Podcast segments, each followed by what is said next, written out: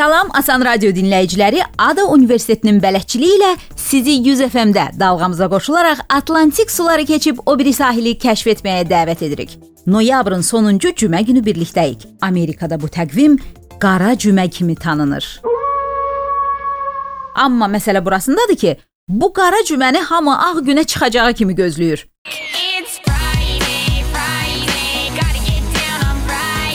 Çünki Amerikanın bütün topdan və pərakəndə satış mərkəzlərində alış-verişə inanılmaz endirimlər olur. Divar boyda televizorlar, bahalı mobil cihazlar, uşaqların arzuladığı video konsollar, hətta zinət əşyaları belə qara cümədə qiymətlərindəki sıfırları itirib yarı dəyərinə satılır. Sərfəli alış-verişin yaratdığı bayram əhval-ruhiyyəsi noyabrın sonuncu cümə axşamına düşən Şükranlıq gününün davamıdır. Dünyanın hər yerindən insan cəlb edən Birləşmiş Ştatlar bu etnik zənginliyinə görə qaynayan qazan adı ilə də tanınır. Hərə tarixi vətənindən Amerika mədəniyyətinə öz ənənələri ilə kiçik bir qatqı edib. Lakin Şükranlıq günü sırf Amerikaya aiddir. Avropa mühacirlərinin 400 il əvvəl sığındığı yeni torpaqda yerli hinduların köməyi ilə təbiətdən bar almağı öyrənib, ildə bir günü şükr edən gəlmələr. Əvəzində hindulara nə verdilər? Bu Amerika tarixinin qara səhifələrindəndir. Lakin qara cümənin sevindirici qarasından deyil. Hello America qitənin yerli hindu əhalisindən danışır.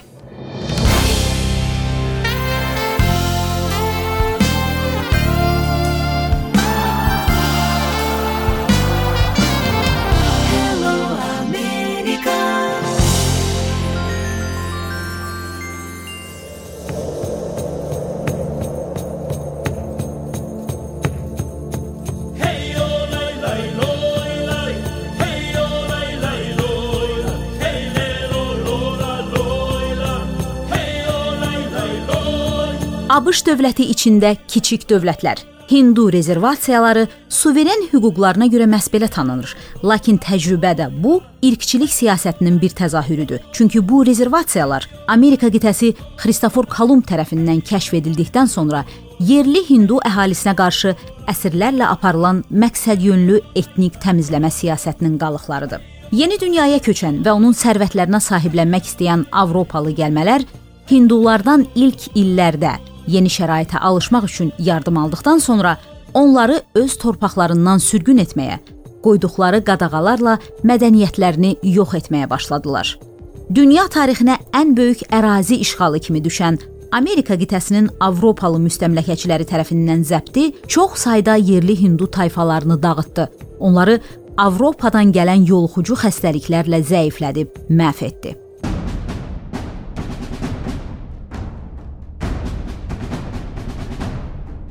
18 və 19-cu əsrlər Amerika tarixində Avropa müstəmləkəçilərinin hindularla apardıqları çoxsaylı müharibələrlə yadda qaldı. Gəlmələrin quluna çevrilmək istəməyən hindular cəsarətlə döyüşsələr də, yalnız yay və oxla silahlanmaları hərbi üstünlüyü texnoloji baxımdan daha inkişaf etmiş Avropalı əskərlərə verirdi. Məs bu üstünlükdən istifadə edərək işğalçılar bütöv tayfaların məhv edilməsi təhdidi ilə hinduları onlara məxsus torpaqların satışına dair müqavilələri imzalamağa məcbur edirdilər.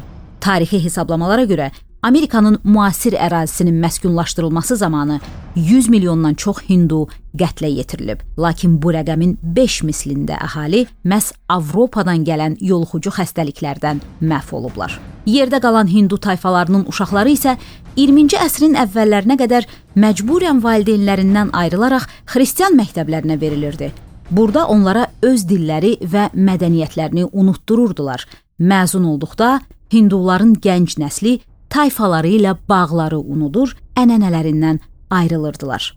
İnsan hüquqları əllərindən alınan Amerikalı hindulara qarşı bu ədalətsizlik yalnız 1968-ci ildə dayandırıldı. Prezident Lyndon Johnson hinduların mülki hüquqlarının təmin edilməsi aktı ilə Amerika konstitusiyasında nəzərdə tutulmuş azadlıqların Hindu əhalisinə də şamil edilməsinə qərar verdi. 21-ci əsrin əvvəlində Amerika hökumətinin Hindu məsələləri üzrə bürosu yerli hindulara qarşı əsrlərlə tətbiq edilən etnik təmizləməyə görə ilk dəfə üzr istədi. We desperately wish that we could change this history, but of course we cannot. we accept this inheritance, this legacy of racism and inhumanity. And by accepting this legacy, we also accept the moral responsibility of putting things right.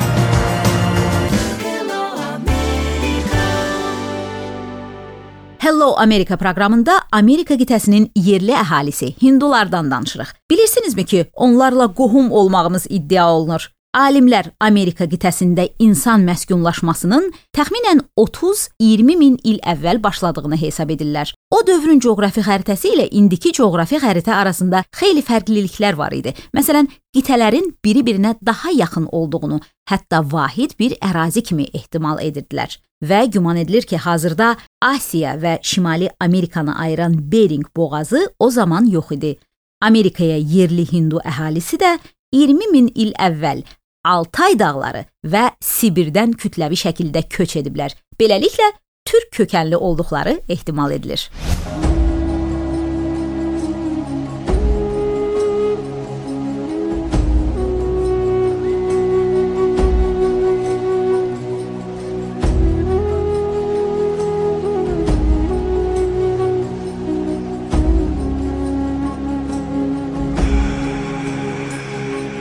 Amerika hindularının Avropalı gəlmələrlə tarixi münasibətləri çətin olsa da, onların Amerika mədəniyyətində silinməz iz buraxdığı şübhəsizdir. Bu gün Birləşmiş Ştatlarda 570-dən çox hindu tayfası yaşayır. Onların 22 milyonluq əhalisi öz etnik simalarını da yaşatmağa çalışırlar. Hindu tayfalarının dillərindən götürülən sözlər bu gün də ingilis dilində istifadə edilir. Bunun başlıca səbəbi isə bu idi ki, Avropalılar yeni qitədə qarşılaşdıkları əksər flora və fauna növləri ilə tanış deyildilər. Ona görə ingiliscə onların adları belə yox idi. Görün bu sözlərin hansını siz tanıyırsınız? Dağ aslanı puma, pişiklər fəsilləsindən yaguar, papaya meyvəsi və ya savanna coğrafi ərazisi. ABŞ-ın bir çox ştatlarının adı belə yerli hinduların dilindən götürülüb. Məsələn, Mississippi geniş çay deməkdir. Oklahoma dost. Iowa ştatının adı isə gözəl torpaq mənasını daşıyır.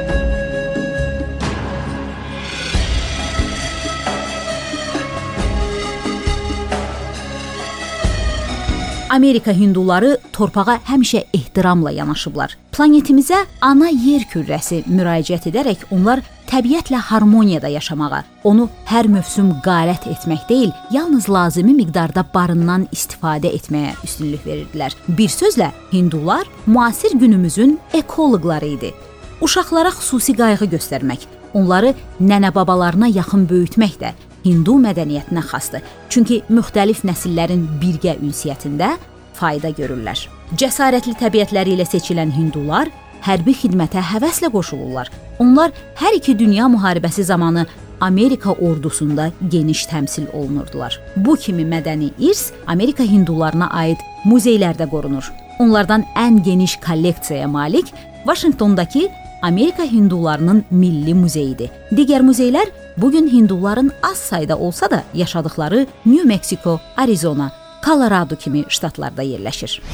Hindu əsilli siyasətçilər öz etnik mənşələrinin hüquqlarının tanınmasında vacib rol oynayıblar. 1930-cu illərin əvvəlində prezident Herbert Hooverin hakimiyyəti dövründə vitse-prezident olan Charles Curtis bu mənada ən yüksək rütbəli Hindu mənşəli hökumət adamı olub. Son illər Amerika təhsil sistemində istifadə olunan dərsliklərdə tarix daha ədalətli şəkildə təsvir olunmağa başlayıb. 400 il əvvəl Avropalı mühacirlərin yeni dünyada hinduları sivilizasiya ilə qovuşdurduğunu yazan mətnlər çıxarılır və əksinə əsrlər boyu formalaşan Hindu sivilizasiyasının Avropalılar tərəfindən necə dağıldığı etiraf edilir. Lakin Şükranlıq günü bayramı bütün müxtəlif mənşəli Amerikalılara çətin tarixlərini geridə qoyub gələcəyə ümidlə baxmağa imkan yaradır.